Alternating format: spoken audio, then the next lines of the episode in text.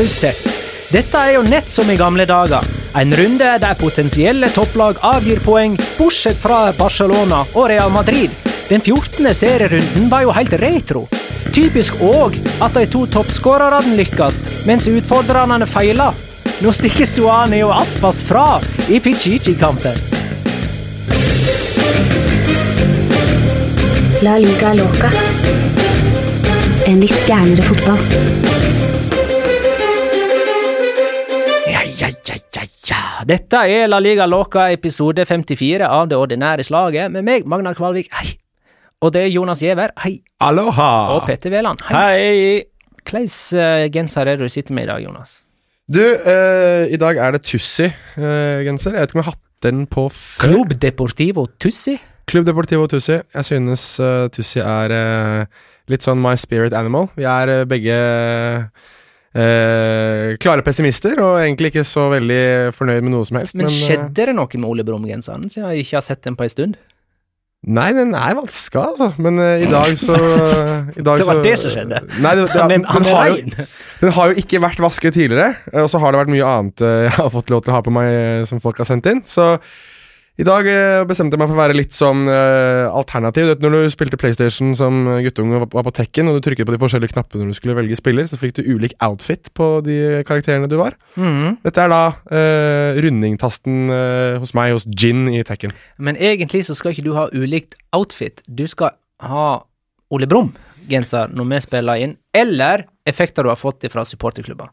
Ja, jeg, eh, jeg garderte meg Så liksom tenk på det til neste gang. Ja, men Tussi er da vel en del Ole Brumm I dag skal vi snakke om La Liga-runde nummer 14. Eh, vi skal kåre rundens spiller og rundens eh, locora. Og hei, hvem skal Spania møte i EM-kvaliken til våren? Bli hos oss den neste timen, og du vil få svaret.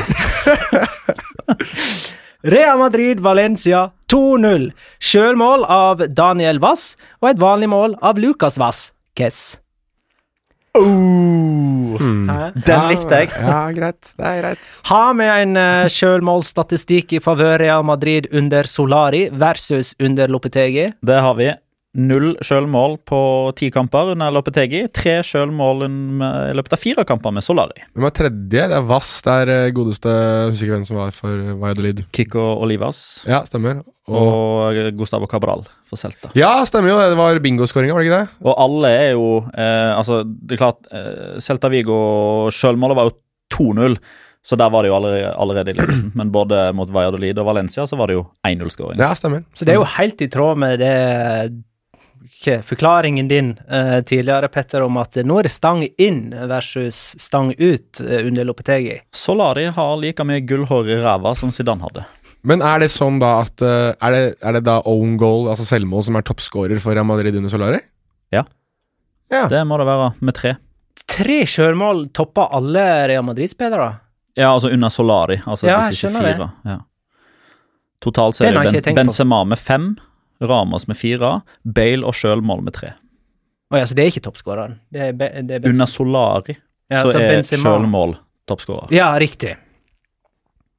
Ja, ja, men det er mm. greit. det. Skåra Bale eh, i denne kampen, eller har han gått ti strake La Liga-kamper uten Han har gått ti strake La Liga-kamper uten mål for aller første gang i eh, Real Madrid i Real Madrid-karrieren hans.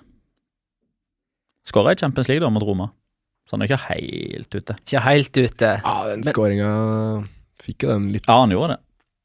ja, be- beleilig for han, den skåringa, for å si det sånn. Når det gjelder innspill og spørsmål fra lyttere, så får jo gjerne Shayan Jalilian det første ordet. Denne gangen av det oppriktig positive slaget. Hør her. For oss som så Marcos Llorente i Alaves, er det ingen overraskelse å se hvor god han er, men det står stor respekt av hans holdning og muligheten han griper med begge armer. Honnør til Solari, ja, dere hørte riktig, som endelig ga han sjansen til å skinne. Og det jeg lurer på etter denne kampen her, er om det er rett og slett Real Madrid sine egne produkt som står fram i disse dager. Carvahall, Marcos Llorente. Lucas Vaskes. Er han nå Kanter... Ja, det er han vel. Han er kanter, han. Han ja, ja, han Men- er registrert som det. Ja, ja. Men var ikke det, var ikke det de som sto fram for Real Madrid under eh, kampen mot Valencia? Det syns jeg ikke sier dere. Nei, jeg er enig, jeg. Synes, uh, synes spesielt Lukas Vasques, da. Siden nå dro jeg han, jeg han opp, men jeg synes han var uh, Jeg kommer ikke på noe godt norsk ord, men han var uh, et, en live wire, som du sier på, på engelsk. Uromoment. Altså konstant farlig med ballen i beina. Jobber konstant opp og ned. Har litt den der viljen, den sulten som vi pra har prata om tidligere, som Real Madrid ser ut til å ha manglet tidvis i, i ligaåpningen. Eller det er ikke åpning lenger nå, men i, i ligaen så langt. Um, og han, han, har det. Dessverre så har han bare ikke de der ekstremkvalitetene som en Bale har, som en Cristiano Ronaldo har hatt, som kanskje Isco tidvis har vist at han har, Marc uh, Marco Ascencio. Så han er, han er, altså Skal jeg velge ut den spilleren i Real Madrid som jeg syns er kanskje mest undervurdert, så er det, er det Lucas Vasques. Vi var jo litt inne på det etter kampen mot Eibar, at vi kanskje savna de som tok ansvar, og som virkelig som spilte med, med hjertet for Real Madrid. Da. da er det jo mm. kanskje nærliggende å tro at de som da faktisk har vært i ungdomsavdelinga, som, som er Real Madrid-supportere i det de debuterer for A-laget, de blir ikke bare henta inn fra Bayern München eller fra Tottenham eller fra Lyon eh, osv. Uh, er, det, er, det, Mariano Diaz du prøver å snakke dritt om her nå? Benzema. Ja, ok, greit. Du ja, snakker ikke stygt om Mariano Diaz? Mariano Diaz er jo òg et Real Madrid-produkt, så ja. det hadde jo eh, motsagt meg sjøl. Kan ikke snakke dritt om nummer syv i Real Madrid? Kan det være at disse kantera-folket tenker Når de bytter imot og de hører pipekonserten, så tenker de det er sånn det skal være i Real Madrid, mens de som har blitt kjøpt til Real Madrid, tenker Ånda hva pokker er dette for noe? Nja Spørs jo litt på kulturen du kommer fra, da, antar jeg. Men, ja, men det, det, er jo noen av de som går veldig i selvforsvar, føler jeg. Ja, Bale gjør jo det. Ja. Uh, Benzema òg syns det. Men de burde jo ha blitt liksom vant til det nå, da, i femte-sjette sesongen. Benzema er vel på sesong Kom ikke han i 09-10-sesongen? Ja, han kom, i, han kom sommeren 2009. Mm. Han har jo ikke altså Han feirer tiårsjubileum neste sommer, han. Ja, det må jo være den lengste sesongen. Altså, det, han har jo ikke jeg vet ikke hvor mange, mange, år han var i Lyons ungdomsavdeling, men i hvert fall, dette må jo være den klubben han har vært i lengst i sin fotballkarriere. vel? Mm. Og Da må det jo være på en måte litt Nesten, nesten blitt litt sånn oppflaska i det til slutt. da, at du, ja. Det er på en måte det, det naturlige for deg å vite at du blir bua på når det går dårlig, og så blir du hylla når det går bra. Ja. Og for hans del så går det sjelden bra i det hele tatt. Men uh, Valencia uh, Spill en bra altså, kamp, da! Det, det skulle til å si det. Ja. Altså, akkurat, i det ja. akkurat i det vi ser tendenser til at Valencia på en måte er, er på gang, ja. så møter de Juventus borte og Real Madrid borte, mm. og så går det sånn Så blir det to strake tap. Men Santimina skal vel ha to-tre mål etter pause. Batshuay skal i hvert fall ha en scoring. Eh, hjelp meg med rindringen der. Fantomredning altså, av Courtois redder med huet. Men den, den hadde vel uansett blitt annullert. Ja, hadde ikke han det den... hånda. Det ble frispark. Ja, jo, ja, ja, stemmer. Ja, ja, ja, ok.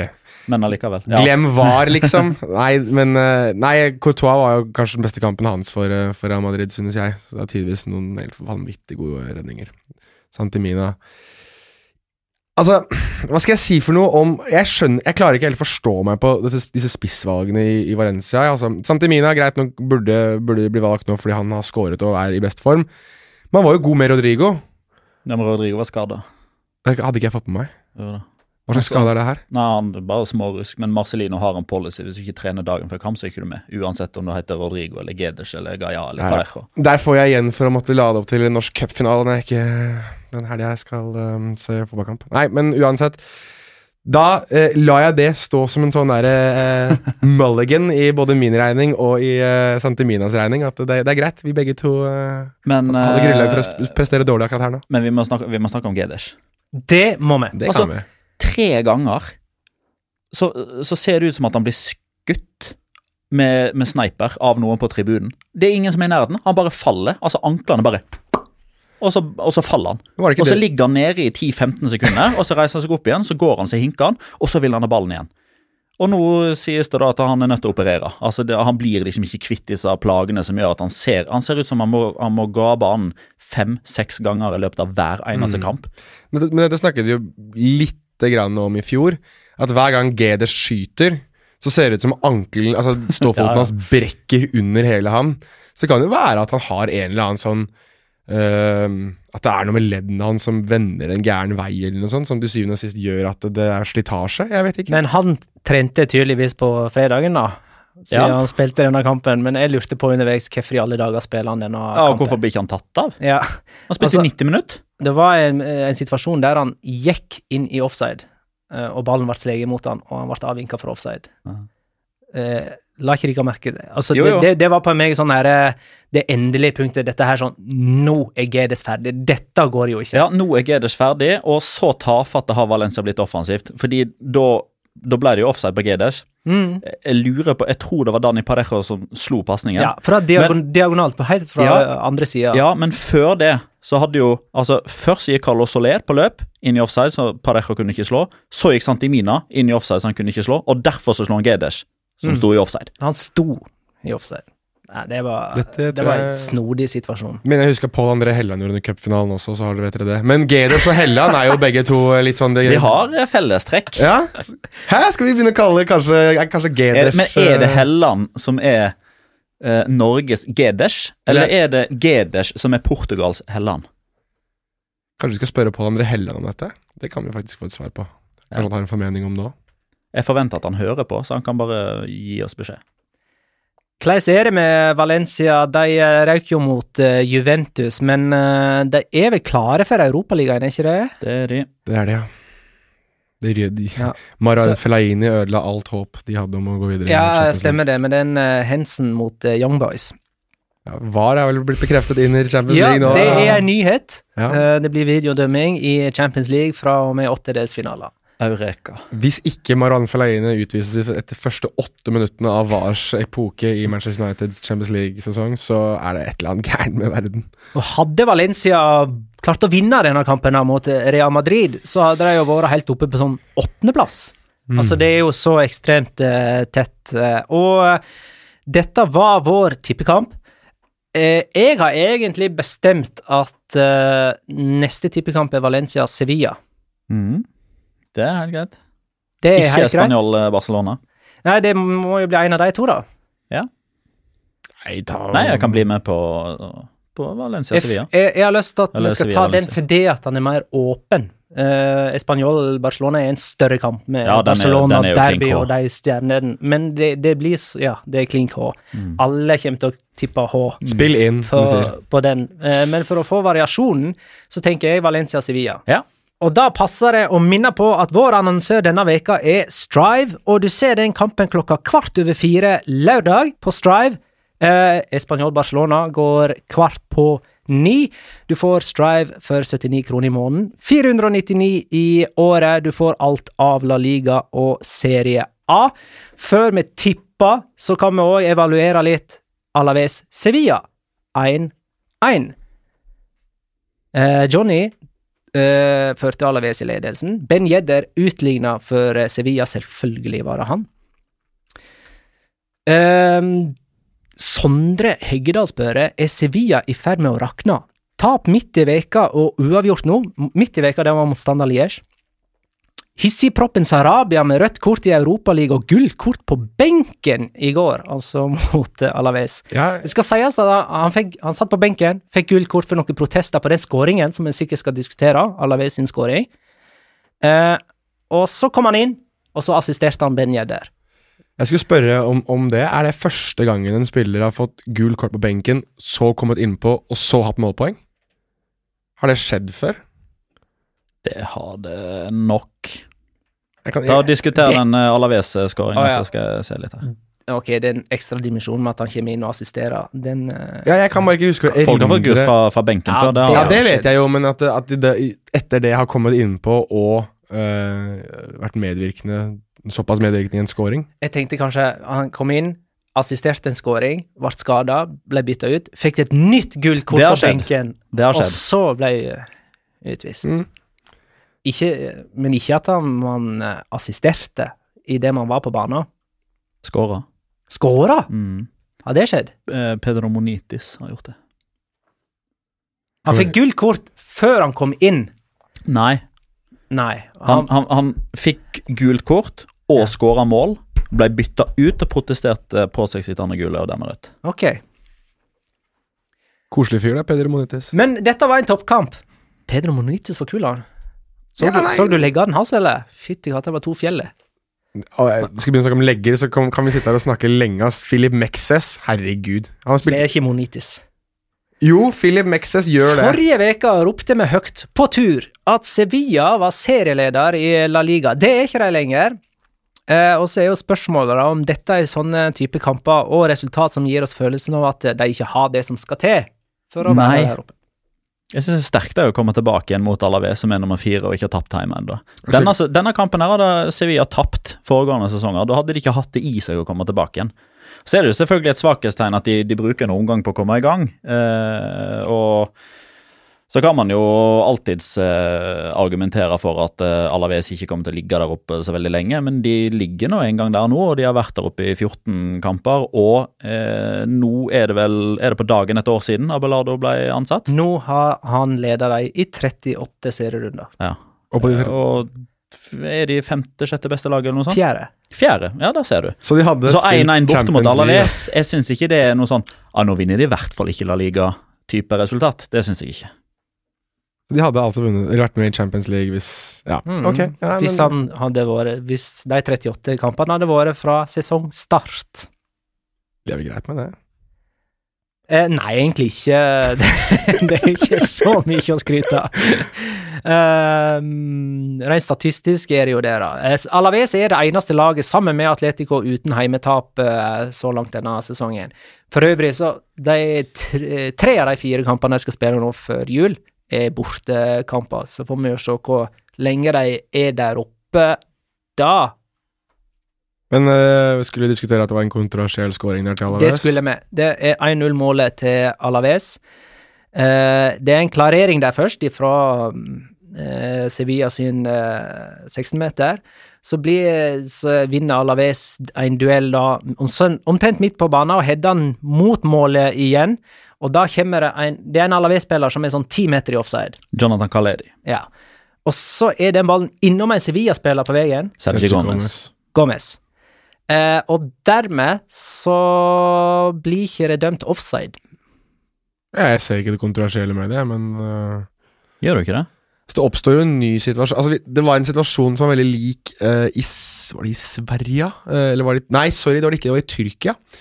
Eh, hvor det var eh, i en toppkamp hvor de ville ha offside på, på det like, men greia er Og da var det enda mer uh, kontroversielt, for ballen hadde stusset via altså han, Vedkommende hadde ikke headet ballen, hadde ikke visst noen ting om det, men ballen truffet han og gått inn da til en spiller offside. Og da Det trodde jeg ikke starta en ny situasjon. jo, det gjør visst det. Det er visst det som er regelen. I, altså, dommeren hadde visstnok selv et, etter kampen vært sånn Men jeg, jeg gjør det kun etter boka. Altså, Jeg kan godt være enig med dere i at det her er dumt, men det er jo mer regelboka da som er dum mer enn meg. Mm. Jeg eh, ble introdusert for denne regelen, det tror jeg var i ligacupen i England i fjor. eh, Liverpool-Tottenham.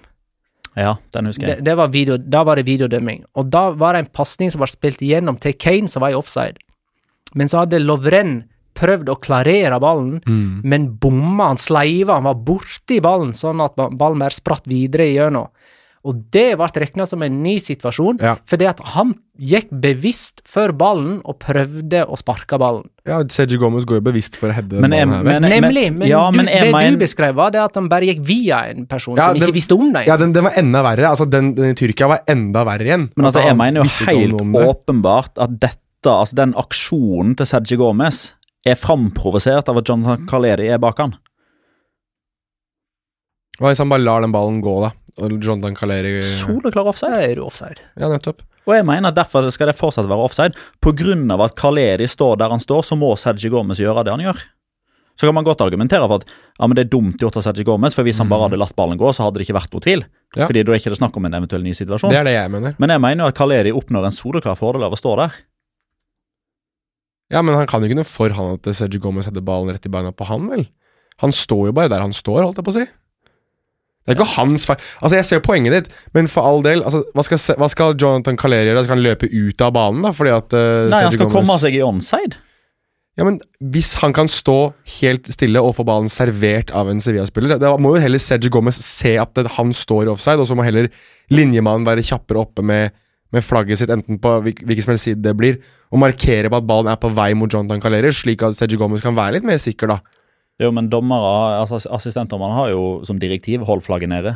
Ja, ja, jeg, jeg, for at man skal bruke VAR etterpå. ja, jeg forstår Men det, det. men, det, men det er klart at når, når assistentdommeren velger å ikke uh, løfte flagget, eh, videodommer eh, mener at dette her er en ny situasjon, eh, og dommer tar seg ikke bryet med å gå bort og se engang, da kan jo for så vidt ikke vi gjøre noe annet greit, da er det sånn regelverket er. Men da er jeg uenig i regelverket. Ja, det jeg, og, det, og det er vi enig i. Jeg er uenig i regelverket, jeg, og jeg synes det er en utrolig teit regel. Men det er nå engang så at det, det virker som om det er regelen er at det oppstår en ny situasjon, og dermed så Altså, det er jo ikke, noe, det- er jo ikke noe skandale, dette her, fordi Nei. man følger jo re reglene, men jeg mener Men at sånn jeg- burde ikke reglene vært. Det Jeg trodde det var en forskjell på bare at ballen gikk via. For eksempel hvis en person, eh, hvis en eh, angriper skyter, eh, og en forsvarer nærmest snur ryggen til og blokkerer, men ballen går liksom via han og til en offside-plassert angriper på det angripende laget, er det, er det fortsatt da en ny situasjon? Altså, jeg tenker Nei, men da, da må jo Da må man jo i dette tilfellet her da mene at Sergi Gomez gjør det med vilje. Ja, det, det er jo forstår det som, men er det en distinksjon der? Mellom ja, det å gjøre det med vilje og ikke Ja. gjøre det med vilje. Så hvis det ikke Eh, um, Real, han- Real Madrid er spanjol. 1-0 nå i september, når uh, Ass Jeg husker ikke om det Jo, Modric skyter via en spanjolspiller. Ascensio skårer. Den skåringa blir annullert, men godkjent etterpå. Ja, nettopp. Fordi han ikke var i offside. Nei, Ja, hvor ja, hvor, men hvor er Svein Erik Edvardsen når du trenger han? Mm. Send, send han en tweet. Han Ja, på ja. alt. Sara, Sarabia kom altså inn. Fire mål og seks eh, målgivende har han. De eh, målpoengene der har gitt elleve poeng på tabellen for Sevilla. Ganske sterkt, det. Ja.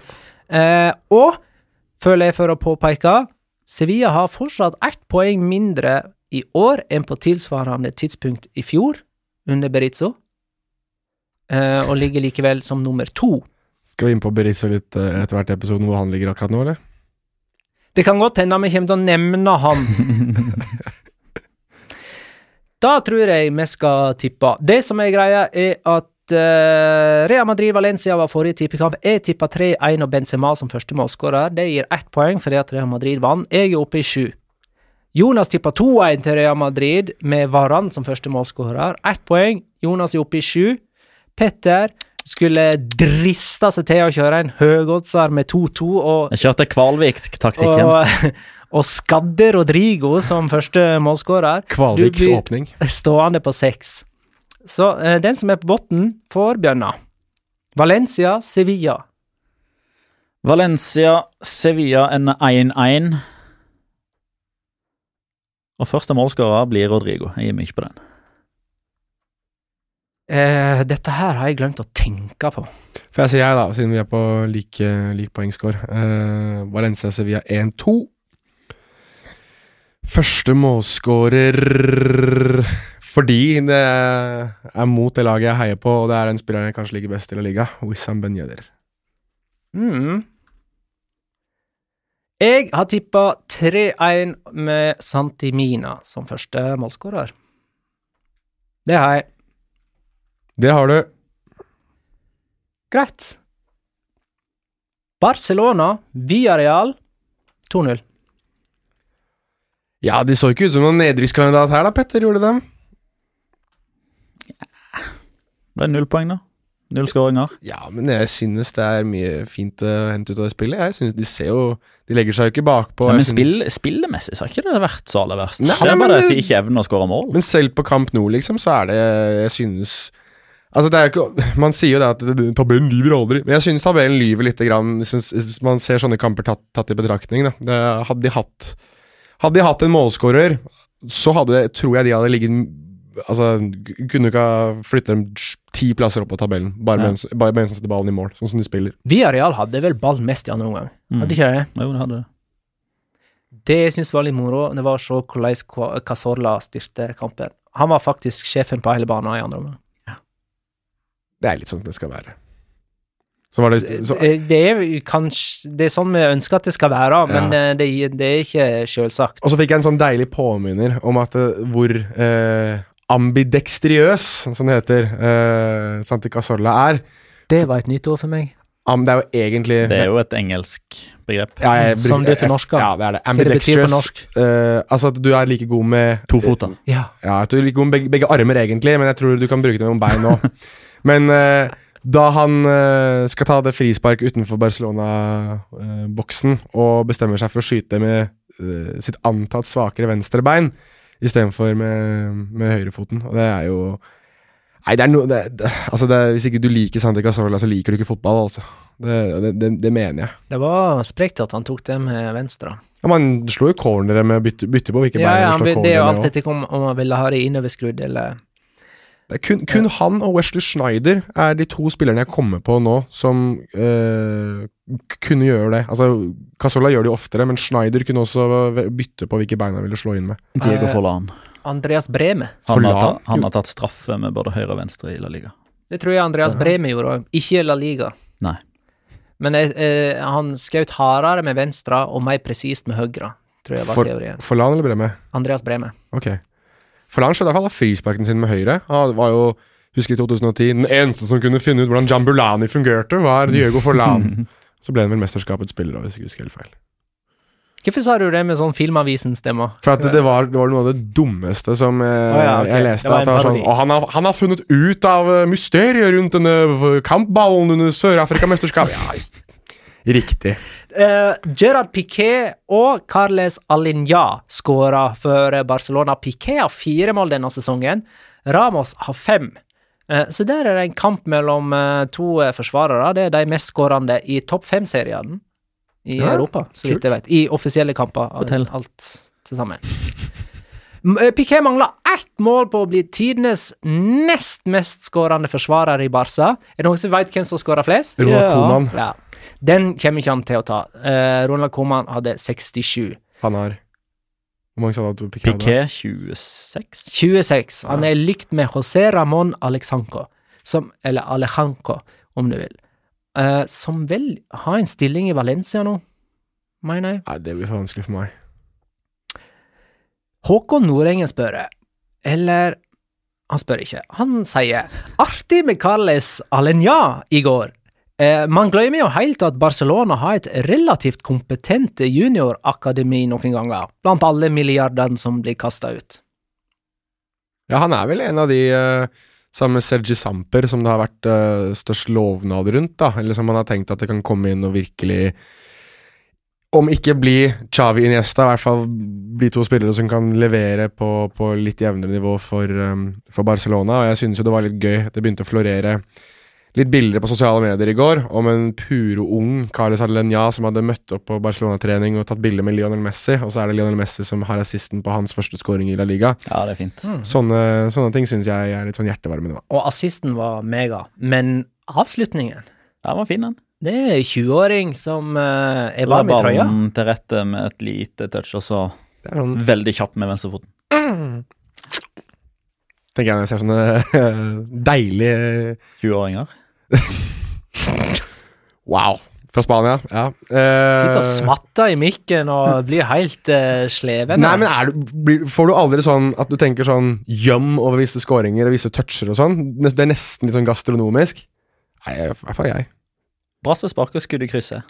Du sa, at du, ikke, du sa jo at du fikk lyst på jordbær og Ja, ja, Adoris. Adoris-greiene. Så du, du ikke, ikke, ikke, Ja, jeg får Nå sitter Magna matassosiasjoner. Magna Kvalvik sitter og sender meg sånne stygge blikk over bordet her. Sånn der, Er du gæren-blikk? Men du satt jo her, og vi hadde vurdert å ha det på en T-skjorte og greier, så du skal ikke, sende meg noen stygge blikk. Nei, men det å få lyst på dessert er jo noe annet.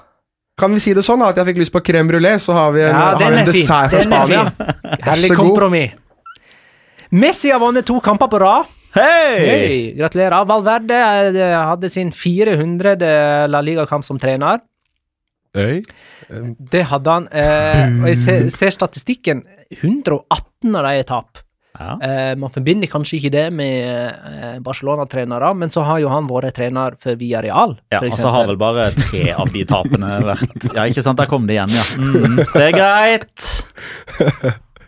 Er han den eneste treneren i La Liga nå som også har trent et lag til gresk seriegull? Det må han være.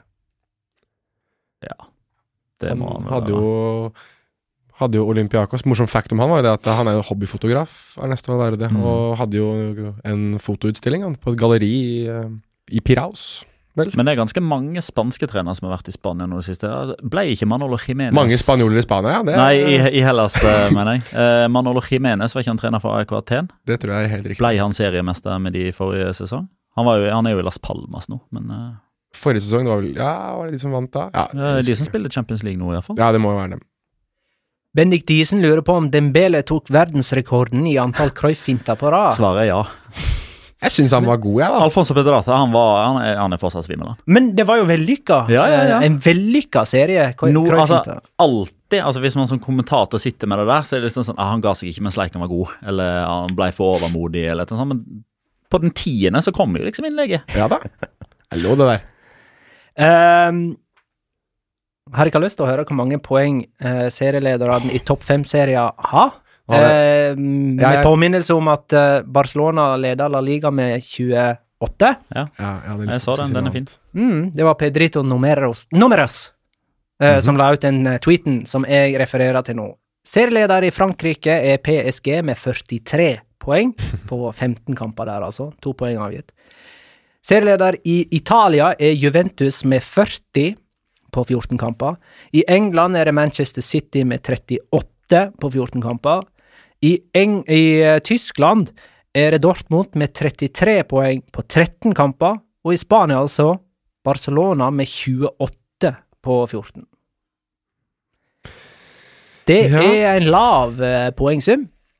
Skulle, Interessant stat. skulle ikke vi diskutere litt grann om det denne uka her, om uh, Hva var det vi ble enige om at du skulle ta? Var det Nei, Vi ble vel ikke enige nå. Jeg foreslo det. At det kunne vært interessant å diskutere om det er styrketegn eller svakhetstegn. Ja. Eller om det er tegn på noe i det hele tatt. Vi kan jo ta øh, Hvis, øh, hvis vår øh, ærede programleder mener at de har tid til å kunne ta litt mm -hmm. Det her, så kan vi jo gjøre det. Jeg- Fem minutter. Ja, vi kunne sikkert sittet i 55 minutter, men uh, Altså, jeg tror jo det er et styrketegn at øh, det, altså det, I hvert fall på sikt da, så vil det være et styrketegn, for dette er jo en øh, Om ikke noe annet, så er det i hvert fall en, en advarsel til de tradisjonelle storlagene, altså Real Madrid, eh, Barcelona og de siste årene også Atletico Madrid, at det, de bak dere de kommer noe voldsomt, og de bak der igjen de kommer også noe voldsomt. Så på sikt så betyr det jo det at eh, skal Real Madrid, Atletico Madrid og Barcelona ha det hegemoniet som de har hatt på La Liga, eh, på de topp tre plassene, så må de styrke seg, de må bli bedre. Ikke bare det at de må kaste penger etter spillere, men de må bli bedre i dybde, i styrkedybde, altså hva de har som andre- og tredjevalg bak de soleklare enerne. Og også det at de må, de må bli mer konsekvente i, i spillet sitt. Um, for de lagene som kommer bak, spesielt Sevilla, de, eh, de viser at det, du kan bygge på sunn økonomi. Du kan bygge eh, ved å hente billige spillere som du selger dyrt. Altså det, Sevilla er et langtidsprosjekt som Monchi starta, som nå eh, ser ut til å bære ordentlige frukter. Um, så jeg synes rett og slett at det er et styrketegn, og jeg synes også det er et styrketegn for interessen rundt spansk fotball. Uh, hvis vi skal ta litt av det også, at jeg tror folk flest synes det er mer moro å følge med på eh, ligaen nå, og, og bli mer kjent med, med nye lag, nye profiler, ny, altså, nye stadioner, ikke minst, nye opplevelser. På bakgrunn av det at lagene faktisk presterer. altså Hvor mange ganger har ikke vi hørt om for, altså Real Betis ligger på tiendeplass nå, men hvor mange har vi ikke hørt om som har enten dratt eller vurdert å dra til eh, Benito Villamarin for å se kamp der? Sevilla har blendet oss veldig i noen år nå. Eh, Girona har vi også hatt folk som har sendt oss bilder av har vært på Montelivi for å se kamp der. Jeg tror at eh, både for konkurransedyktigheten til spansk fotball eh, på banen, men også utenfor banen, så er, eh, er årets sesong Det kan vise seg å bli en form for katalysator på årene, i årene som kommer. Jeg stilte spørsmålet, ikke svaret. Jeg er veldig usikker. Mm. Uh, altså Parameteret, syns jeg, på, på hvordan uh, en nasjonslag gjør det, er over tid i Europa. Der har jo Spania de siste årene gjort rent bord når det har vært eh, Kall det disse lokomotivene som har dunka på, du veit hvem som blir topp tre. Og Noen har ment at det har vært en, eh, en, en styrke, fordi topplagene er liksom de som setter standarden, mens andre mener at eh, da er serien konkurransedyktig, og når det er for stort sprik mellom 21 eller 4 og 16, eller hvor man nå velger å legge lister, så er ikke det bra. Men altså, jeg, jeg, jeg sa det i fjor høst, og jeg mener det samme nå. I Champions League-sammenheng. Jeg syns ikke verken Real Madrid, Barcelona eller Atletico Madrid ser ut som en Champions League-vinner. Det mente jeg i fjor høst òg, men Real Madrid vant til slutt. Real Madrid vant gruppa si i Champions League denne høsten. Barcelona har vunnet gruppa si. Atletico Madrid vinner gruppa si hvis de slår Klubb Brygge borte, Men er iallfall videre uansett. og er videre uansett. Valencia ut, men de, til gjengjeld de er langt nede på tabellen, og de er ordentlig svake, og det var en veldig sterk gruppe. De ble renka som nummer tre i den gruppa, og, Og de blir pleid- nummer tre. Og det har pleid å være sånn at ett spansk lag ryker ut i Ja, og de går inn i Europa League. Der Betis allerede videre. Villarreal er gruppeleder, Sevilla er gruppeleder. Og både Villarreal og Sevilla avslutter på hjemmebane og går sannsynligvis videre som gruppevinner. Så når de spiller mot ikke-spanske lag, så de leverer så jevnt og trutt hele tida. Mm. Så jeg heller mot at, eh, at uansett om det er jeg håper å 15 poeng mellom 1 og 2, eller om det er 5 poeng mellom 1 og 6, så er de spanske lagene ordentlig gode. Men at en del av clouet nå ligger på at eh, gjennom en treårsperiode nå, så har lag litt lenger nede på tabellen fått langt mer gryn mellom hendene til å forsterke spillerstallene sine. Og når vi da ser den sammenhengen mellom den kollektive TV-avtalen i Spania og at det blir jevnere på, på tabellen, så syns jeg det, det virker logisk at de lagene bak har blitt bedre. Eh, kan jeg få fortsette litt i den tråden du begynte, Jonas? Sa Ja, ja. ikke du at eh, denne sesongen her kunne virke som en slags katalysator for framtiden? Ja. Jeg lurer på om det vi ser nå faktisk er resultat av en katalysator som var sparka i gang i 2014. For da vant Atletico Madrid serien, Mm. og, og det var virkelig mot alle odds Ja den gangen. Det, det var, de kom ut av ingenting. Samtidig så rykka Eibar opp fra Segunda etter én sesong i Segunda. De var i Segunda B noen sesonger før der, og, bare, og rykka opp derifra, og så bare ramsa de gjennom Segunda og rett opp i Primera. Ja. Og der starta egentlig en trend eh, om det umulige. Det som egentlig ikke skulle gå an, starta da, føler jeg. Og siden så har Girona fulgt opp det der, Leganes har fulgt det opp, Uesca Hvem er det jeg glemmer? Det er én til. Nei, det er kanskje bare det er de. fire. Ja, det er de fire. Kanskje Alcorcon følger opp uh, denne sesongen. Kanskje Sevilla følger opp uh, i toppen. Altså, jeg tenker at det der, er- det å gjøre det umulige, det starta for noen sesonger siden, og vi ser resultatet av det nå, når Leganes slår Barcelona, Levante gjør det.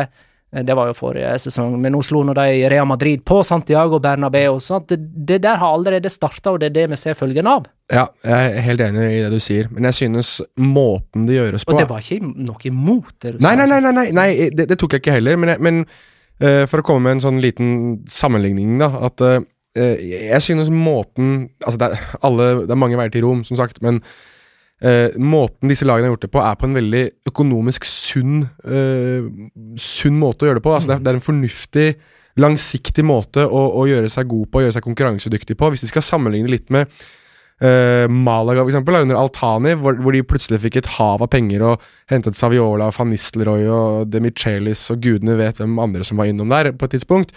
Det var et sånn luftslott, egentlig, som, som eh, ja, hadde et par år, og de var inne i Champions League, og det var vel eh, Var det semifinale de nådde i Champions League? Nei, de skulle ha vært der, men Ja. ja. offside-skåringa til Dortmund gjorde at det ikke Fili- ble Malaga Real Felipe Madrid i Santana semifinalen. som skåra for uh... Var det offside? Var ikke det Malaga som skåra offside-mål i den Nei, Santana. det, den, det var vel i den, i den første kampen som var Å, ja. motargumentet, men 2-0-skåringa til Dortmund eh, Manuel- mener jeg det var. Manuel Pellegrinis uh... eh, Malaga. Uansett, det var en form for luftslott, eh, det der, og det, det, det så jo lovende ut, men, men samtidig, når pengestrømmen sluttet altså Getafe også hadde jo et veldig ambisiøst prosjekt. Español hadde snakket for et par år siden med noen kinesiske eiere om at de skulle inn i Champions League. Jeg synes det er en seier for eh, litt den langsiktige, sunne, naturlige eh, veksten i en fotballklubb. At det, er kanskje ikke nødvendigvis disse lagene som, som har fått i gang dette her. At det er ikke den der pengedopingen som har gjort det, men, men mer eh, et, et resultat av av et Atletico Madrid, av et Sevilla, eh, som du sier også Eibar. Lag som har gjort det på en relativt sunn måte, som er, for, er inspirasjonen til, til disse lagene, og til forhåpentligvis en, en stadig vekst i, eh, i spansk fotball. Ja, jeg, og jeg tenker at det har skapt en sånn, sånn eh, følelse rundt Ja. i hele landet. En nasjonal følelse av at det umulige er ikke umulig. Ja, helt enig. Eh, og det gir seg gjerne utslag i enkelte kamper, tenker jeg. da. Neste motstander for Barcelona, det er Español. Det kalles El Derby Barceloni. Ja. Eh, Det er på eh, RCDE-stadion. Mhm. Jeg blir, jeg, jeg blir satt ut av disse her konsonantene og, og den vokalen. og- RCDE Etayo. Eh, altså, nei, Español har heimekamp mot eh, Barcelona. De ser jo ferdig ut som et topplag nå, eh, Español. Tapte 3-0 borte mot eh, Getafe. Tre tap på rad siden de først hadde sjansen til å ta over tabelltoppen for tre runder siden. Åtte baklengs på tre seriekamper. Det ble bare fem strake kamper på rad med skåring for eh, Borja Iglesias. Ja, han er ferdig nå. Nå er, pan, nå er pandaen på vei til å bli utrydda. Men skal vi tro at eh, Skal vi tro at Spanjol har noe å komme med i denne kampen her? De har jo gjerne et litt sånn ekstra gir å sette inn når de spiller hjemme mot Barcelona. Da pleier, da pleier det å være jevnt og stygt. Ja. Det var de to kampene i fjor, det, som eh, Og så spilte vi i cupen der eh, Ja, da vant de jo. Ja. Mm. Det var de kampene hvor, hvor Español så ut som de faktisk hadde lyst til å spille fotball i fjor. Så hvis de faktisk eh, har lyst til å spille fotball i år òg, og med en bedre og litt mer inspira inspirasjonsrik trener, så kan det jo bli litt gøy. Men jeg um, Det er vanskelig å gå imot Barcelona, altså. Det er vanskelig å gå imot dem, syns jeg. Men uh, Hva er det som feiler for Español, da? Hvorfor er det plutselig Altså, plutselig sånn 3-0, liksom? Det er jo Nei, men tett opp mot utklassing. Ja, jeg, altså den kampen så ikke jeg, skal være helt ærlig. Men, eh, men jeg, da jeg så resultatet, så slo det meg litt sånn Altså, PP Bordalas er jo Han har jo lyst til å ødelegge alt som er fint for alle, så jeg var ikke så veldig overraska over at det var han som sto i veien. Det jeg var mer overraska over, var at eh, og Jeg er ikke helt sikker på om han spilte, men eh, jeg, så, jeg så ikke noe Damian Suárez uh, gult kort. så- Ja, han spilte. Ja, han holdt seg i skinnet. Han gjorde det. Ja. Men Antones hadde Ja, var, det, jeg var det Thunder Bastard som gikk skulle til å si det, det var en sånn type kamp der Antones kunne skåra fra 25 meter. Ja, Den må ha gått via noen. ja, var via via David noen, Lopez. Ja, Men sant, var det det understreker jo egentlig bare gullhår i. Skjønt, det var en fortjent uh, Retafe-seier, da, tross alt. Ja da. Nei, vi levner ikke Español noen særlig sjanse her, altså. Darderismoen er død. Den er grei, da beveger vi oss bare videre, da. Hadde Mm. du tenkt å si noe, Petter? Nei da. Nei. Girona Atletico 1-1. Uh, Stuani skåra på straffe for eh, Girona før Diego Costa pressa Ramallo til å skåre sjølmål. Og er det to sjølmål denne serierunden? Ja, Vass. Vass og Ramallo. Mm.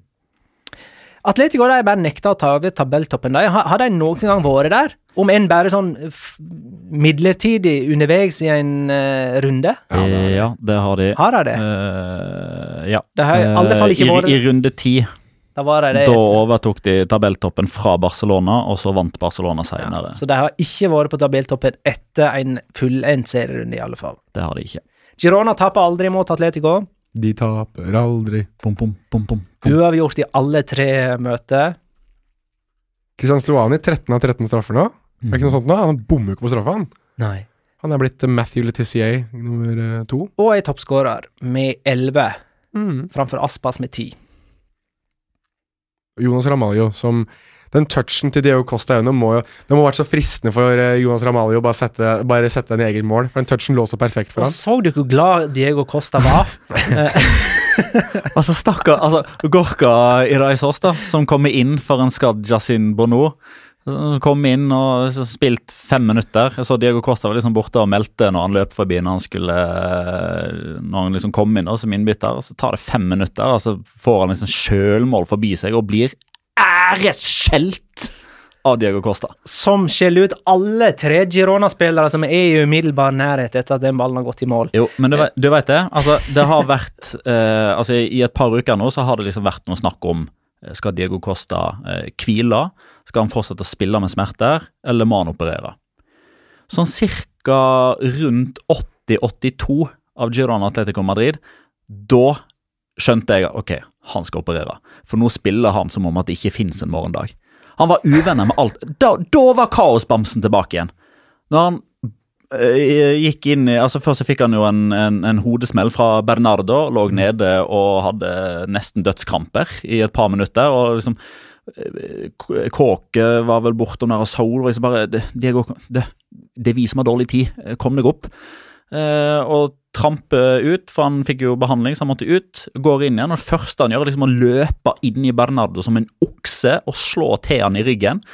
Og Bernardo eh, reagerer jo da litt sånn på samme måte som Diego Costa, med at han går ned og så holder han seg til ansiktet, og så har jo han da den eh, sjølinnsikten. han skjønner nei, dette går ikke, så han reiser seg opp igjen med en gang og får geitastiro. Eh, og får blikket fra Diego Costa.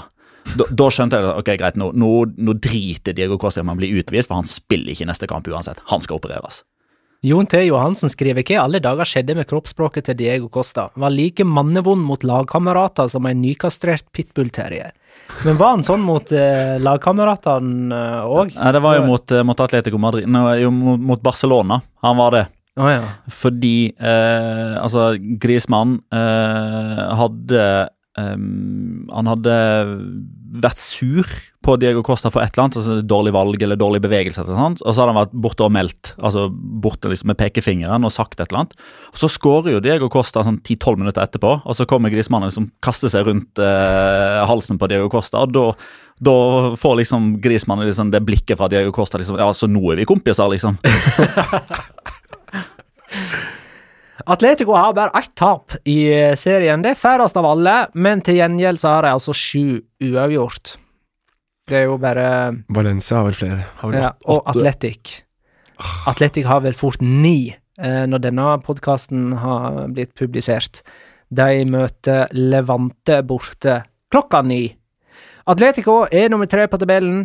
Tre poeng bak Barcelona, to poeng bak Sevilla. Ja. Hvis uh, ikke dere har noe mer å tilføye, så bare pløyer vi gjennom resten av runden nå. Jeg kan legge til én ting, eh, siden du snakker om klokka ni og sånn. Da er det jo da Klokka er snart eh, litt over åtte nå. Det er ikke så- lenge igjen til klokka kvart på ni. Og da blir Luka Modric kåret til verdens beste Det kan vi fotballspiller. ta etterpå. Det er bare å kjøre, kjøre det inn, ja. inn i en slags eh, diverse ting. Runden for øvrig. Rayo Vallecano Eibar 1-0. Adrien Barba, matchvinner for Rayo som vant sin første heimeseier, eh, og den var viktig. De kunne ha vært sju poeng fra trygg grunn nå, i stedet er det fire. Eh, Eibar ned på jorda etter 3-0-seieren mot eh, Real Madrid. Sånn er virkeligheten. Det rare greier, det der. Celta Vigo Uesca 2-0. Første seier for Celta Vigo under ny trener.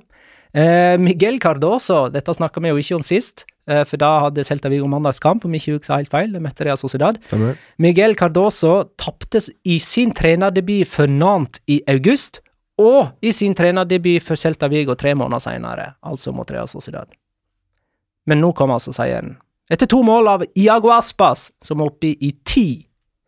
Uesca ligger helt sist med sju poeng. Det er sju poeng opp til trygg grunn for dem. Sju offisielle kamper siden Oesca skifta trener. Null seire, to uavgjort, fem tap. Sju.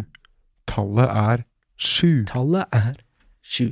De møter Real Madrid neste runde. Og der blir det 7-0. Real Betis, Real Sociedad 1-0.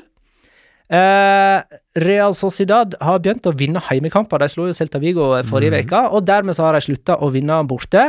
For de kan jo ikke gjøre begge deler. De er for øvrig det, fortsatt det beste bortelaget i La Liga, eh, Real Sociedad, med 13 bortepoeng på åtte kamper. Um, Betis uh, Ja, det var Junior Firpo som Ja. skåra, matchvinner. De hadde én seier på, i, i ligaen på seks kamper før denne, og det var selvsagt borte mot Barcelona. Jeg skulle likt, likt å Nå se fikk de en verdig motstander de kunne slå. Ja, jeg skulle likt Jeg skulle likt å se hvor mye inni motstanderens boks Junior Firpo var som kontra sin egen. Det må jo være noen sånn heatmaps på det.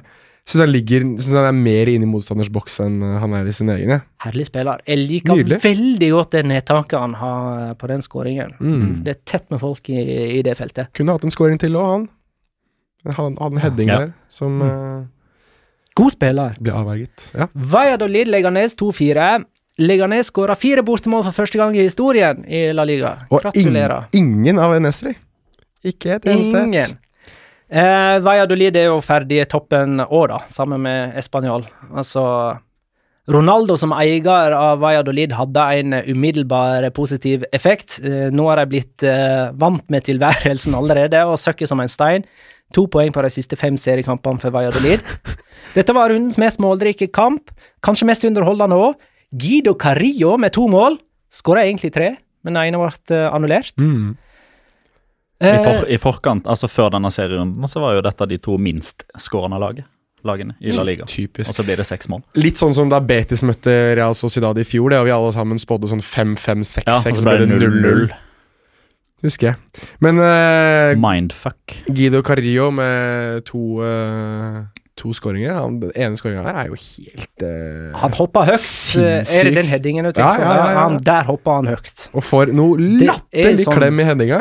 Trampolineopphopp der, altså. Ja, ja. Levante Atletic. Det er mandagskampen. Så får vi ønske Atletic lykke til der. De ligger altså i talende stund på eh, nedrykksplass. De kommer nok til å ligge der etter eh, denne runden. Her nå. jeg må bare se litt på eh, tabellen. De er jo tre poeng fra trygg grunn, ja. Med en kamp mindre spilt. Og de har ganske dårlig målforskjell òg, vel. Ja, Hvis de vinner med tre mål, så er de oppe av poeng og framfor real på målforskjell. Det er jo ikke usannsynlig når jeg plutselig ser eh, det scenarioet. jeg skal vi kåre rundens spiller? Petter Ja, du skal det. Jeg skal kåre rundens spiller. Stakkars mann. Kan jeg bare få sagt, bare få sagt før du begynner? Yasin Bono nå, uten skade. Ja, jeg, tenkte, jeg tenkte på det. Jeg tenkte kanskje at eh, Magnars rundens spillerkåring-forbannelse var oppheva, men så ble Bono skada. Selv om jeg ikke nevnte hans navn engang forrige gang jeg kåra rundens spiller. Men nå, nå går jeg for det. altså Nå går jeg all in. Fire til seks uker, det, for marokkaneren. Det må jo, må jo sies da at uh, kanskje Magna Kalvik er La Liga Locas voodoo-heks, som uh, driver og ødelegger for all og enhver han velger. Kan du være så snill å snart snakke om Ivan Cuellar? Nei, det blir ikke han. Faen, så er det. Nå er det Louis Moriel sin tur! Ja, vet ikke hva, det er et godt tips. Hvis det går gale med denne spilleren her, så er neste runden spiller fra mitt hold, det er Moriel.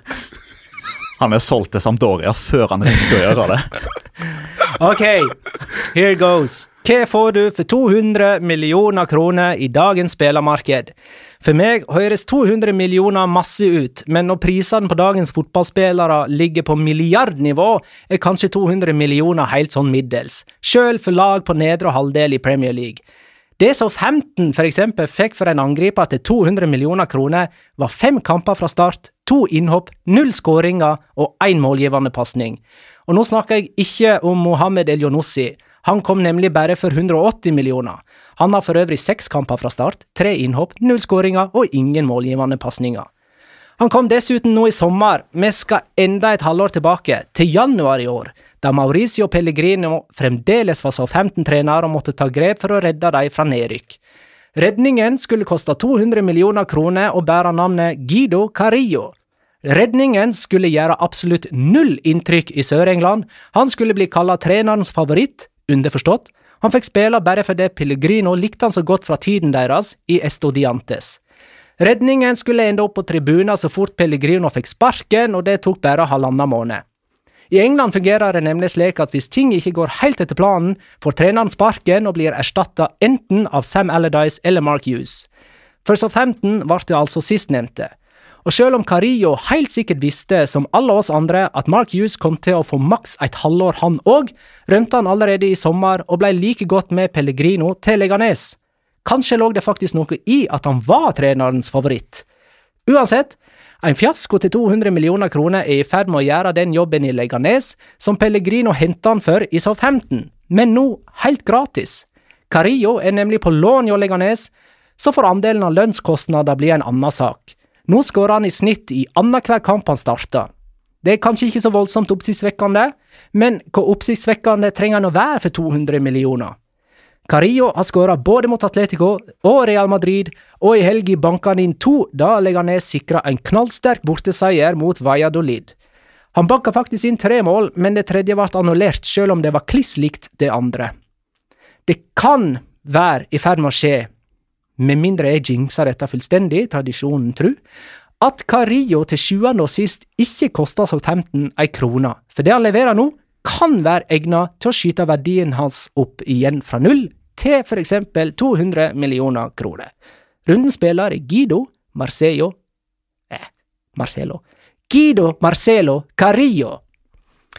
Har Southampton eh, ansatt eh, Sam Allardyce etter sparking av Mark Hughes? Er det noen som veit? Nei, de kommer til å ansette Ralf Hasenhüttel. Hasenhuttel. Det høres ut som navnet bare dikta opp her og nå, Nei, dette er eh, tidligere RB Southampton- Leipzig-treneren. Southampton har faktisk vært litt friske på, eh, på treneransettelse. Ja så, så den Mark Hughes-ansettelsen, når sant skal sies, det er den mest konservative og kjedeligste ansettelsen de har gjort på så lang tid jeg kan huske. Nei, men jeg kødder ikke når jeg sier at det blir Ralf Hasen Eller ser jeg ut at det blir Ralf Hasenhüttel. Tror det jeg. Gjorde det veldig bra med Leipzig. Tok de til Champions League. Det er greit, det. Diverse nå. Vi har fått uh, mange spørsmål om uh, Ballon d'Or. Uh, Jørgen Rørstad, for eksempel. Hvem hadde havna topp tre på Ballon d'Or 2018 om dere skulle ha bestemt? Det er jo allerede bestemt. Jeg har allerede stemt jeg, på det. Og så, hva var det Ja, og Skitjo. Hva syns dere om Ballon d'Or og andre popularitetskonkurranser? Er det sånn at det blir kåra i kveld? Mm. Den Mm. Mandag eh, den uh, 3. desember? Noterer meg Messi er ikke nominert. Nei. Nei. Noterer meg på Twitter at uh, det er første gang kvinner også vinner Ballon d'Or. Ada Hegerberg har møtt opp i gullkjole i dag. Så. Har ikke hun vunnet Ballon d'Or før? Det er første gangen kvinner får Ballon d'Or. De har tidligere fått sånn uh, beste spiller i Europa og sånn, men uh, dette er første gangen i historien hvor uh, kvinnelige fotballspillere fotballspiller får Ballon d'Or. Ok, ja Nei, så, jeg er ikke oppdatert, da, som dere sikkert Nei, forstår. Hvem er de tre nominerte? Nei, det er mange nominerte. Det er ikke, det er ikke Å, jeg trodde det var tre nominerte. Nei, men det er vel tre Topp tre liksom det alle snakker kan om, og, og Messi er visstnok ikke der. Så, så da faller jo liksom bare Ja. Neste side. Nei, det, det du skal fram til, er jo det at eh, da man skulle stemme fram Europas beste, altså den, den som Uefa har, så var det Mohammed Salah, eh, Cristiano Ronaldo oh, ja, det er og Luka Modric. det, ja. Eh, og der vant jo Luka Modric. Og nå er det vel noe sånt som 30 stykker eller noe som kan vinne Ballon d'Or. Men man har uh, på en måte innskrenket det da til Modric, Griezmann og Hva var sistemann? Mbappé, er det ikke det? Og det kommer til å bli Modric. All mulig logikk eh, tilsier i hvert fall det, og alle mulige aviser både i England Nei, kanskje ikke England, men i hvert fall Italia og Spania har allerede liksom hatt en sånn Men eh, reveal på det. jeg merker at eh, det er mange som bryr seg om det, eh, og det gjorde faktisk Real Madrid òg, som klubb, da. Ja da. I, I den Ja, ja, grad at de, eh, da de sparka Lopetegi, oppga det som grunn at eh, han rådde over flere Ballon d'Or, årets lagspillere og Ja, sånt. sju, stykker var det vel? Ja. Ja. Så det betyr tydeligvis noe. Jeg, klarer virkelig ikke å bry meg. Nei, ikke jeg heller. Uh, for meg er fotball uh, uh, seier, uavgjort, tap, og ikke nødvendigvis det beste laget vinner sånne ting. Og så kan man diskutere hvem som er best, men det er akkurat det mm, eh, fenomenet er til, å diskutere det. Det å erklære det, det blir bare useriøst. Jeg klarer ikke det. jeg ser poenget ditt. Jeg, jeg synes jo at det er Altså Det skal jo kåres verdens beste spiller, er jo, det, er jo det man sier at man kårer. Men det man egentlig kårer, er jo hvilken spiller som har hatt det beste året. Altså Hvis man, skal bestemme seg for hvem som er verdens beste fotballspiller, basert på ferdigheter, eksempel, så er det jo Lionel Messi eller Cristiano Ronaldo, mest sannsynlig Lionel Messi, som skulle vunnet hvert eneste år. Men her må man jo ta det litt sånn Det har vært et VM. Hvem gjorde det godt under VM? Hvem vant de store turneringene? Eh, Lionel Messi hadde et skuffende VM med Argentina, eller kan jeg si at Argentina skuffet Lionel Messi mer enn noe annet. Uh, Champions League hadde han én virkelig dårlig kamp, som ble, ble gjeldende, den borte mot Roma.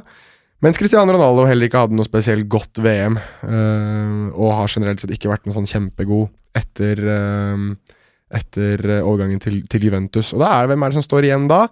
Jo, det er Mbappé, som var eh, outstanding i, eh, i VM, eh, og var med å vinne liga. Det er Griezmann, som vant Europaligaen med Atletico Madrid. Eh, tok seg til andreplass i, i uh, La Liga og vant VM. Og det er Luka Modric som eh, vant Champions League, var etter mange syn kampens beste spiller i Champions League-finalen mot Liverpool. Hadde en fantastisk god kamp der. Og hadde et, eh, et eventyr av et VM med, med Kroatia, som spilte sitt først, sin første VM-finale i, i nasjonens historie, og som har hatt en liten formdubb nå, men som kanskje har blitt unnskyldt det litt fordi han spilte et så inspire, inspirert VM, da, som man, man kanskje vil kalle det. Uh, og da er det jo litt sånn hvem Kan man egentlig gå imot Luka Modric? Og da har vel den gemene hop, eller de som stemmer på dette, bestemt seg for at det kan man nok ikke. Um, så, så, du stemmer jo på hvem som har hatt det beste året, ikke hvem som er den beste spilleren. Uh, som for øvrig også er min, uh, min store kjepphest når det kommer til disse greiene. At uh, den gangen man stemte fram den beste spilleren, det var Lionel Messi i 2010. For det året eksisterer det ingen årsak til at ikke Wesley Schneider skulle vært kåret til Ballon d'Or-vinner. Ok, men uh, er vi ferdige nå? Mm.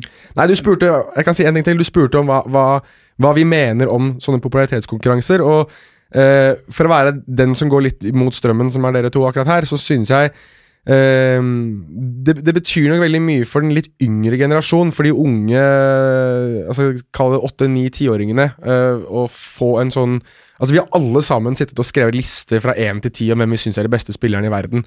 Dette her er litt mer offisielt for disse For litt yngre, yngre fotballsupportere, og det gir på en måte en pekepinn for veldig mange på hvem som Uh, kanskje man, man skal, skal, begynne å se litt til, da, som man kanskje synes er den største inspirasjonen deres i året som kommer. Jeg vil likevel oppfordre de åtte-, ni-, tiåringene å fortsette å skrive sine egne lister over hvem som er det beste, for det, at det kan ikke Ballon d'Or egentlig bestemme. Jeg, jeg er helt enig i det.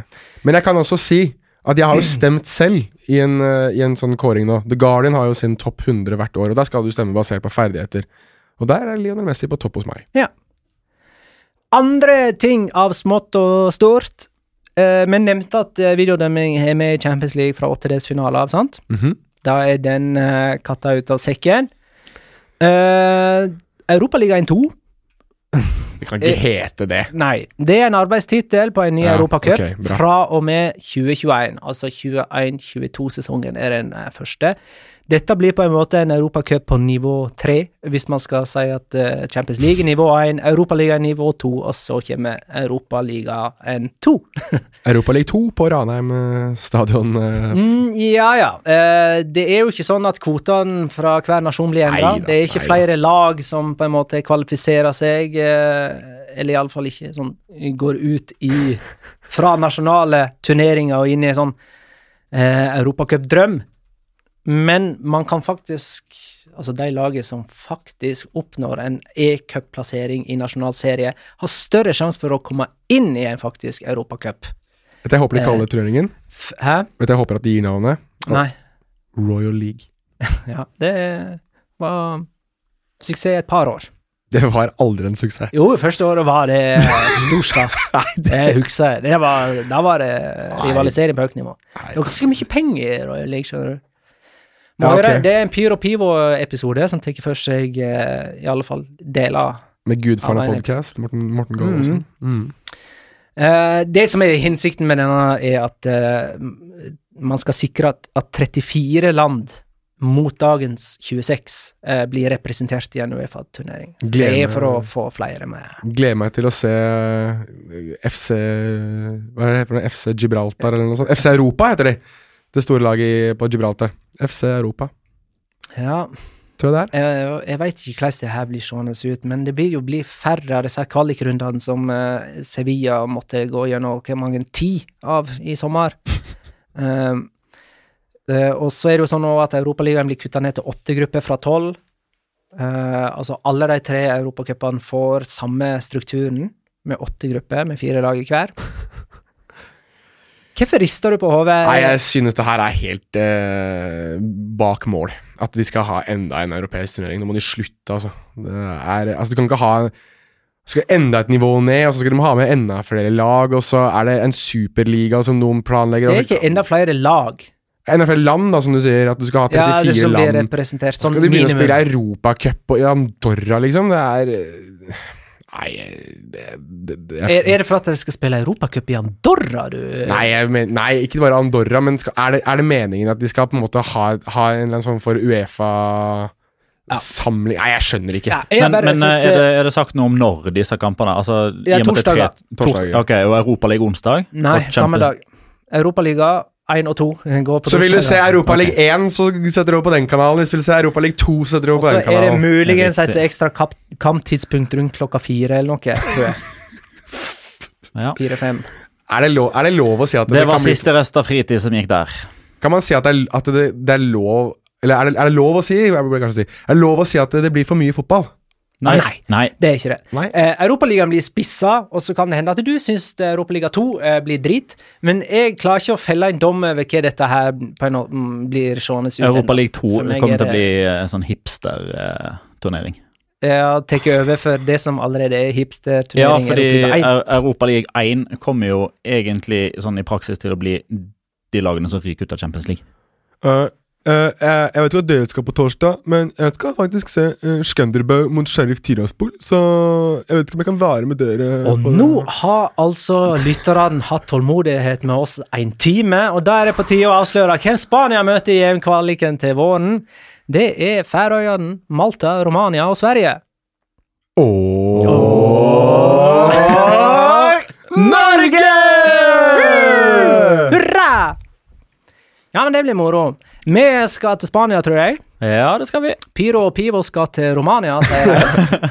Hvem reiser til Færøyene? Det kan òg være en fin tur. For oss eller for uh, Pyro Pivo? Altså, jeg kjenner jeg er hipp. Men uh, ikke nødvendigvis eh, for La Liga Loca, men som Privat? Ja, kanskje. En kul tur, det, da. Ja, til Malta, da, vet du. Det er jo for litt sol og sånn, da. Eh, nei, jeg vet ikke hva. eh, da liker jeg meg bedre på uh, Færøyene, tror jeg. Du er der, ja. Ja, ja, det er greit. vet du forresten hvem som er kaptein til det maltesiske landslaget? Michael Mifsud. Mifsud. Det er Michael Mifsud. Nydelig. Han er det fortsatt. Ja, ja. Ja, ja. Men 37 år gammel. det er ganske kul gruppe, det her. Faktisk. Ja, det er kjempetøff, faktisk. Jeg, jeg føler jo at Norge er sjanseløse, men det er jo et greit utgangspunkt å ha, for da vil jo alt annet overraske meg og gjøre meg glad. Mm. Ja, det er jo faktisk folk som spør hvem holder med meg. Norge. Altså, Altså, passe, passe trumfer alt. passe er fortsatt norsk, eh, gutta, Ja da. så den, eh, den er grei. Eh, nei, men spennende det, da. Eh, hele den kvaliken der går gjennom uh, kalenderåret 2019, for de som lurte på det. Starta i mars, slutta vel i november, er ikke det sånn? Ja, Spania møter Norge først i Spania. Ja, ja, det er eh, herlig for Norge. De møter Spania og Sverige i mars. Akkurat i den måneden der uh, Norge har tradisjon for å være på sitt aller beste. Ja, det var sarkastisk. Ja, jeg tipper jeg- Spania ja, ja. er sjeleglad for at Eliteserien eh, eh, starter i slutten av mars eh, i 2019. At de ikke får den At de ikke får den ene runden før. Ok, det er tid for Locora! Ukens La Liga Locura. Locura. Locura. Locura. La Liga Locura. Noen som har lyst til å begynne? Nei. Jeg kan eh, godt begynne. Jeg fikk et tips fra Per Syvertsen. Eh, I 14. serierunde er det kun fem lag som har sluppet inn flere mål enn Barcelona og Real Madrid. Har dere tenkt på det? Det tror jeg jeg skal tygge litt på før jeg sovner i kveld. De fem lagene, det er de tre nederste. Atletic, Rayo og Uesca. Eh, og så er det Celta Vigo og Levante. Alle de nevnte har 20 eller mer, mens eh, Barcelona og Real Madrid har 19 hver. Jeg tenker en liten til. Oi! Adrian Embarba skåra for Rayo Vallecano mot Eibar, Nydelig skåring for øvrig. med sitt eneste skudd på mål. Tidligere i sesongen skåra han mot Sevilla med sitt eneste skudd på mål, og ifølge Oppda så har Embarba i sin karriere, La Liga-karriere, skåra sju mål i sju ulike kamper, og fem av dem har vært det eneste skuddet hans på mål i den aktuelle kampen. Treffsikkerhet. Det er effektivt. Ikke dårlig. Litt som Paco Alcázar over det.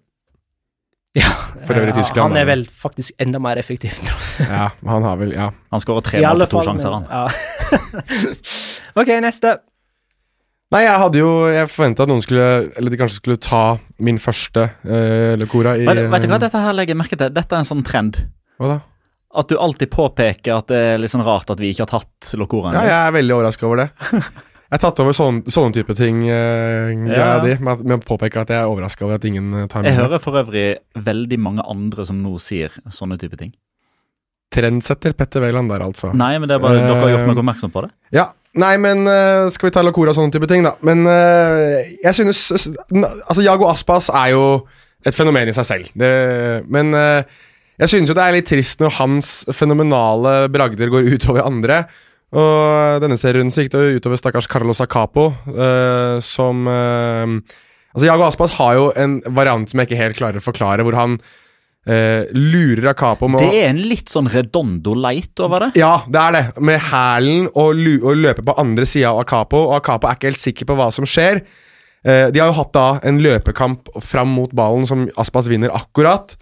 Og så kjører han da en hælflikk-variant forbi Akapo, løper rundt han og får ballen på andre sida. Og idet Akapo bestemmer seg for at nå må jeg ta opp kampen med han, så ryker det noe latterlig i hamstringen til, eh, til stakkars Akapo. Og han halter og hinker etter Jago Aspas, som er alene med keeper, slår en overstrekk eh, og skårer faktisk med høyrefoten sin. Eh, og det eneste du ser, er Aspas som løper og kysser logoen til Celta, mens Akapo ligger og hyler i smerte på andre sida. Så det er Jago Aspas eh, det, det gjør ordentlig vondt å møte han, både bokstavelig talt og litt figurativt. Det der går, fortsetter egentlig litt den rekka jeg har hatt med forsvarere som ikke har marginer. Ja, ja, kan gå for den. Ja, eh, en annen som ikke kom så veldig godt ut av Aspas sin variant der, er jo faktisk Jan Åge Fjørtoft. For den greia som Aspas kjørte, var jo en avansert Fjørtoft-variant Ja, ja, ja, jeg gjorde det. Ehm, Det var mot Polen i 1993, for Ja. øvrig. ja, I Poznan. Jeg skulle akkurat til å si det. Kan jeg bare få, bare, bare få nevnt bare Danis Ceballos vending eh, på, i, inni egen boks mot Valencia? Den er kald. Den er kald. Det var, det var for øvrig den jeg hadde tenkt som nummer to. Mm. Eh, min locora, ehm, det er som, eh, som følger. Ehm, det var faktisk vært så vidt innom selve poenget. Men uh, Castro har forsøkt. Andres Fernandes har forsøkt. Juan Pablo har forsøkt. Przemyslav Tyton har forsøkt. Beto har prøvd. Raúl Lissoain har prøvd. Iago Errerin har prøvd. Ivan Cuellar har prøvd. Fernando Pacheco har prøvd. Vicente Guaita har prøvd. Aleksandr Jovanovic har prøvd. Og Jan Oblak har prøvd. Ingen har klart det. Og det er 0,068 sjanse for at en spiller skal klare å skåre 13 straffespark på rad. Hvis man regner at det er ca. 80% sjanse for å skåre på straffe. Man bommer normalt sett 1 av 5. Christian Suani har satt 12 Unnskyld, 13 av 13. Og det straffesparket som han satt nå i La Liga, det var det 14. straffesparket på rad i La Liga, der det ble skåring etter at Gerard Moreno bomma for Villarreal. Det er det 0,043 sjanse for at skal inntreffe. Ja. Jeg likte rekk, rekka med keepere der. Jeg satt liksom og venta på et par andre litt sånn Beto, for eksempel, hadde jeg glemt. eh, Eller, eller sånn, Ja. sånn små, smålig kulthelt. Prumuslav Tyton også. ja ja, men uh, da er vi i mål, da. Ja, kan jeg bare få eh, etablere Paul Lopez Appreciation Society? Bare sånn bare for å ha sagt at det, det dannes nå og av meg. Eh, den kampen han spilte mot eh, Ja. Real Sociedad, det er Paul Lopez har keeperplassen på midtrundens lag som kommer Han på Twitter. var, han var kandidat til rundens spiller, han, men jeg ville ikke ødelegge hans karriere. Nei, det skjønner jeg veldig godt. Jeg ville heller ødelegge hva Nei, men uh, da sier jeg uh, tusen takk for alle innspill, tusen takk for alle spørsmål. Tusen takk for at du lytta, kjære lytter. Ha det, da.